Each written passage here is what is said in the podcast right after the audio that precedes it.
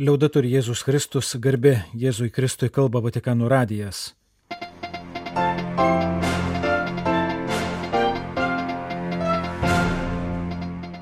Malonus klausytojai šioje programoje.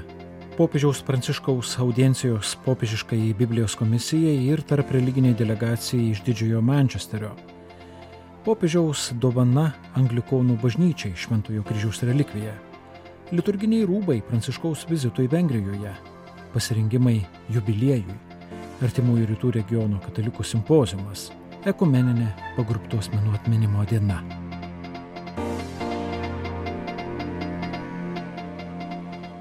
Lygos ir kančios tema Biblijoje. Apie tai buvo kalbama per šiomis dienomis Vatikane vykusį kasmetinį popiežiškosios Biblijos komisijos posėdį. Komisijos narius ketvirtadienį balandžio 20 dieną prieėmė popiežius Pranciškus.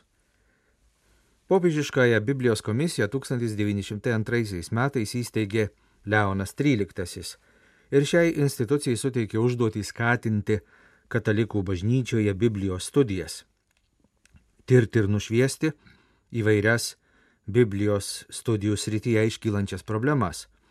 Komisija atlieka ir patariamosios institucijos vaidmenį tikėjimo mokymo dikasterijai. Dėl to jos pirmininkas yra šios dikasterijos prefektas. Komisija sudaro 20 narių, kuriuos skiria popiežius penkerių metų kadencijai. Per ketvirtadienį audienciją popiežius su komisijos nariais valandėlę asmeniškai pabendravo. Susitikimui parengtos kalbos popiežius neskaitė, o tik įteikė jos tekstą. Liga ir kančia Biblijoje. Ši tema rūpi visiems - tiek tikintiesiems, tiek netikintiesiems rašoma popiežiaus kalboje. Iš tiesų žmogaus prigimtis sužeista nuodėmės savyje nešiojasi ribotumo, trapumo ir mirties tikrovę. Netgi tikintys žmonės susviruoja, kai susiduria su skausmu. Ši bauginanti tikrovė, nelauktai užklupusi žmogų, gali netgi sugriauti jo tikėjimą. Pasak Pranciškaus, lyga ir kančia pastato žmogų kryškelėje. Būna, kad kančia pribloškia žmogų, priverčia jį užsisklęsti savyje, varo į neviltį arba kursto maištauti. Tačiau žmogus gali kančią priimti ir kaip galimybę aukti, mąstyti apie tai, kas iš tikrųjų svarbu gyvenime, vesti link Dievo. Kaip tik pastarąją skausmo ir kančios sampratą randame šventajame rašte, sakoma popiežiškosios Biblijos komisijos nariams įteiktoje Pranciškaus kalboje. Senojo testamento žmogus lygą išgyvena nuolat mintimis atsigręždamas į Dievą. Jis jam patiki savo ašaras, meldžia išgydymo. Lyga ir skausmas skatina žmogų gręžtis į Dievą ir atsiversti. Naujajame testamente pats Jėzus Dievo sūnus atskleidžia tėvo meilę, gailestingumą, atleidimą. Pasak Naujojo testamento, pats Dievas išeina ieškoti nuodėmingo, pasiklydusio ir sužeisto žmogaus. Neatsitiktinai viešojoje Kristaus veikloje labai daug dėmesio skiriama ligonėms. Stebuklingi išgydymai yra vienas pagrindinių jo tarnystės bruožų. Pasak Pranciškaus būtent Jėzaus atjauta kenčiantiesiems yra didžiausias ženklas, kad Dievas aplankė savo tautą ir kad prisartino dangaus karalystė. Jėzus taip pat sako, buvau ligonis, aplankėte mane. Galiausiai kryžiaus slėpinyje, aukščiausių laipsnių, Kristus susitapatino su žmogaus kančia. Kristaus kryžius tapo akivaizdžiausiu Dievo solidarumo su žmonėmis ženklu. Taigi Biblija rašo popiežius nesiūlo nei banalaus ar utopinio atsakymo į lygos ir mirties klausimą, nei fatalistinio aiškinimo, kad viskas priklauso nuo žmogui nesuprantamų dieviškųjų sprendimų, ar dar blogiau nesako, kad viską lemia likimas, kurio neįmanoma pakeisti. Priešingai, Biblija žmogų kviečia priimti skausmo slėpinį kaip susitikimą su Dievu, geruoju tėvu, kuris su begaliniu gailestingumu rūpinasi savo sužeistais kūriniais. Juos gydo, gelbsti, atjaučia, yra jiems artimas. Kristuje net kančia virsta meilė, prisikelimo ir išganimo viltimi. Popiežius paminėjo dar vieną kančios aspektą. Biblija moko mus gyventi žmogiškojų ir krikščioniškojų solidarumu pagal Dievo artumą, atjautos ir švelnumo stilių. Palyginimas apie gerąjį samarietį mums primena, kad turime pasilenkti prie kito žmogaus skausmo. Padėti kenčiančiajam tai yra ne tik vienas iš galimų pasirinkimų, bet būtina sąlyga tiek siekiant visapusiškai bręsti mums patiems, tiek ir kurti visuomenę, kuri tikrai siekia bendrojo gėrio. Balandžio 20 dieną popiežius Pranciškus priemė tarp religinę delegaciją iš didžiojo Mančesterio, kurį sudaro miestas ir jį supančios apygardos. Delegaciją sudarė anglikonų, katalikų, musulmonų, hinduistų ir sikhų atstovai. Prie jos prisidėjo ir didžiojo Mančesterio meras bei keli kiti politikai.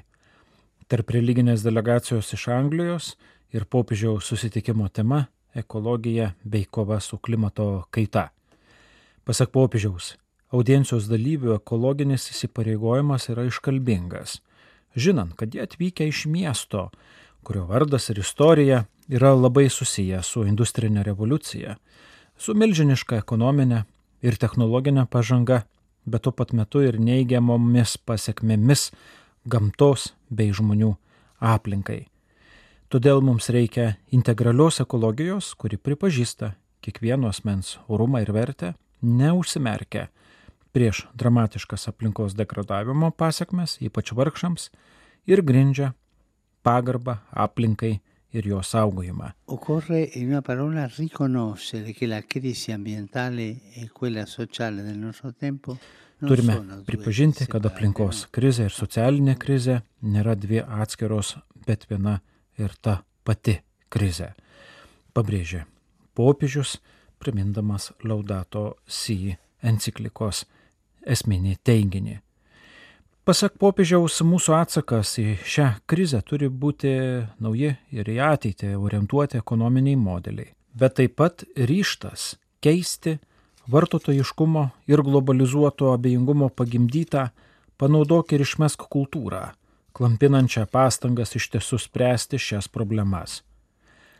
Brangus draugai, jūsų grupė išsiskiria liūdėjimu apie moralinę ir tarp religinę mūsų pareigą saugoti aplinką, atsakingai administruotiną Dievo dovaną, pažymėjo Pranciškus, drąsindama žadinti ekologinį atsivertimą delegacijos narių bendruomenėse ir remintis savųjų religinių tradicijų išmintimi.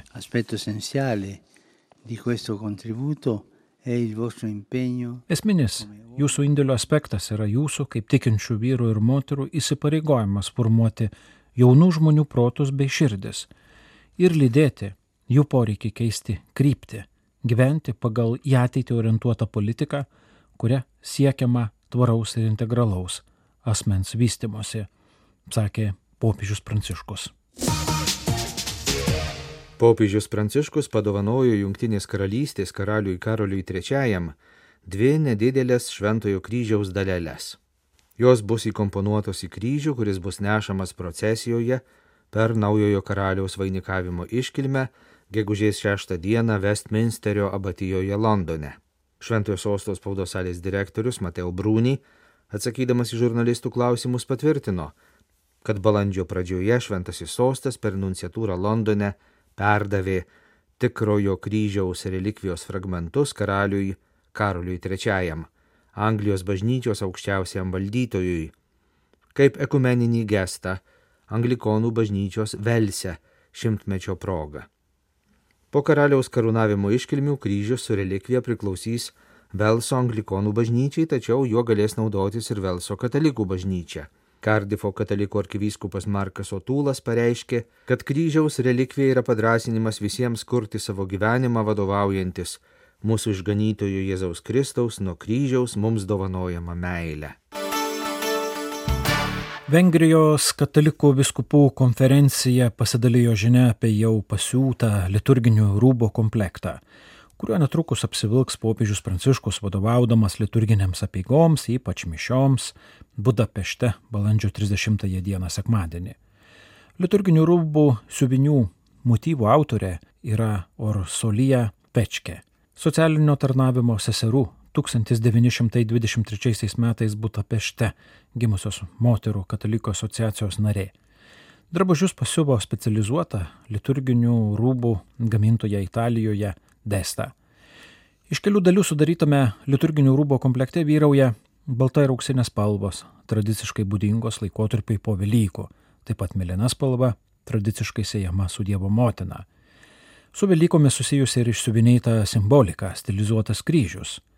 Auksinėme kryžiaus pone išsiskiriantis baltas kontūras simbolizuoja Kristaus prisikelimą. Iš kryžiaus centro Kristaus širdies išteka srovė virstanti upe, kurioje sutelpa tradiciniai kraujo ir vandens simboliai, taip pat nuoroda į didžiąją Dunojaus upę, kertančią Vengriją ir Budapeštą ir prieš pusantrų metų įvykusio Tarptautinio Eucharistinio kongreso simbolika. Vertikaliai vingiuojanti ir vis labiau mėlyna atspalviai gaunanti upė taip pat gali būti suprasta kaip tiltas tarp žemės ir dangaus. Kaip minėta, tai ir tradicinė mergelės Marijos spalva.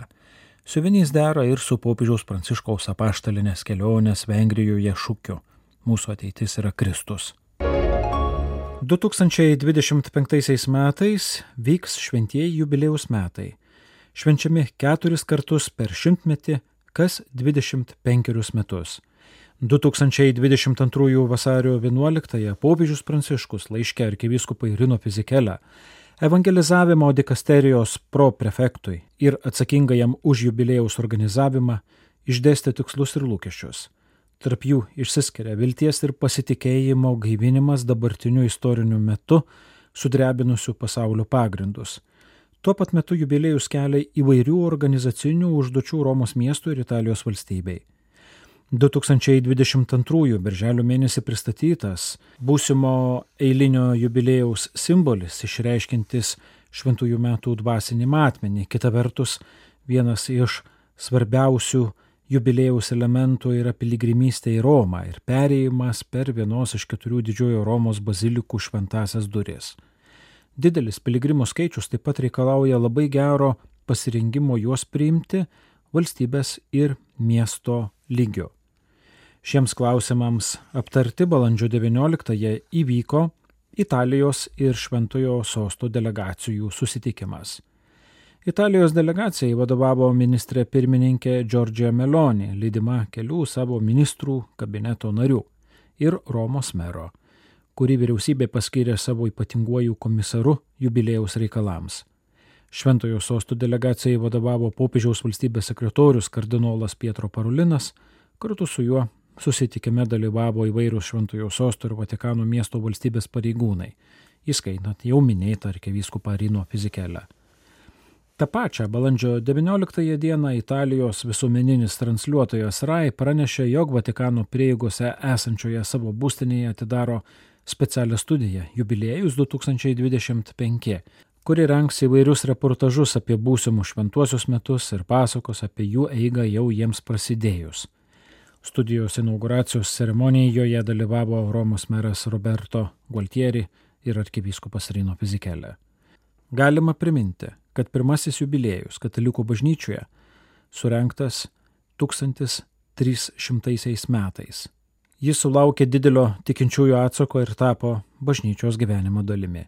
2025 metų jubiliejus, kurio šūkis yra Perigrinantes in spem, vilties piligrimai, bus antrasis - popiežiui Pranciškui, kuris 2015 metus paskelbė ypatinguoju gailestingumo jubiliejumi. Svarbi 2025 jubiliejaus aplinkybė yra sutapimas su 1700 metų Nikėjos visuotinio bažnyčios susirinkimo jubiliejumi. Nikėjos susirinkimas 325 metais nustatė visiems krikščionims bendrą trejybinį ir kristologinį tikėjimo išpažinimą. Šią progą ortodoksai, katalikai ir protestantai rengiasi svarbioms ekumeninėms iniciatyvoms. Nikosijoje ketvirtadienį balandžio 20 dieną prasidėjo artimųjų rytų regiono katalikų simpozijumas. Trijų dienų įvykėje iki sekmadienio balandžio 23 dienos dalyvauja per 300 regiono bažnyčios lyderių katalikų patriarchai, arkivyskupai, vienuolyjų, judėjimų, organizacijų vadovai, taip pat šventojo sosto atstovai.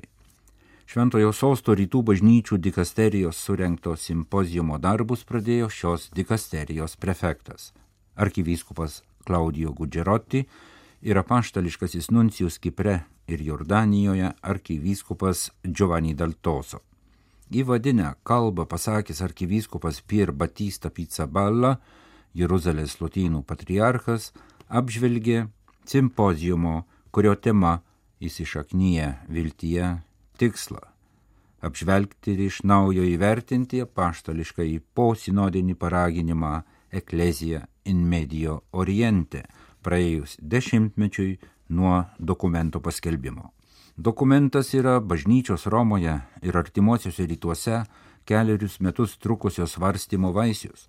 Po Sinodo asamblėjos Vatikane 2010 metais popiežius Benediktas XVI Sinodo išvadas paskelbė minėtame dokumente, kurio svarbą jis paliudijo 2012 metais, kai Beirute per savo apaštališkąją kelionę Libane jį formaliai įteikė regiono bažnyčioms.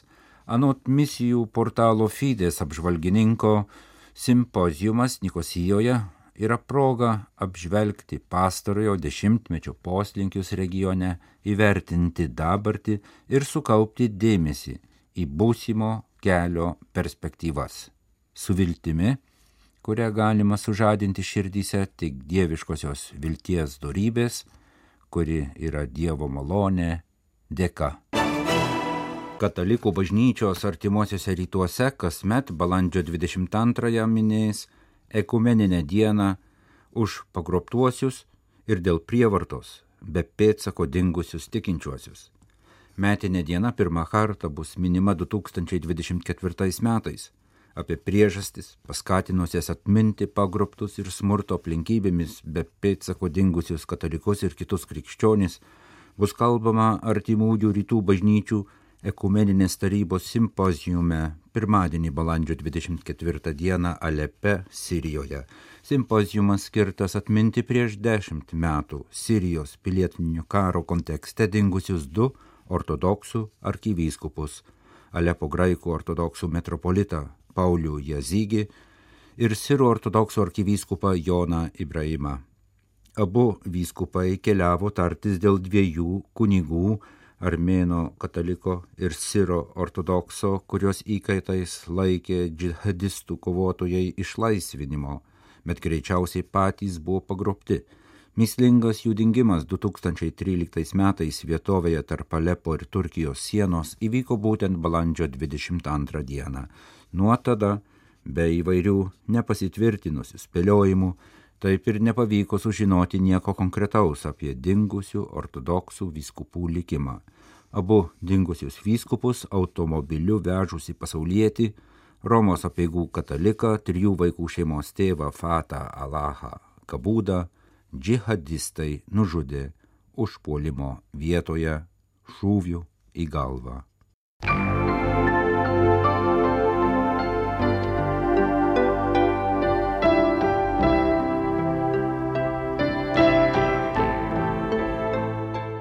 Malonus klausytojai laidą lietuvių kalbą baigiame.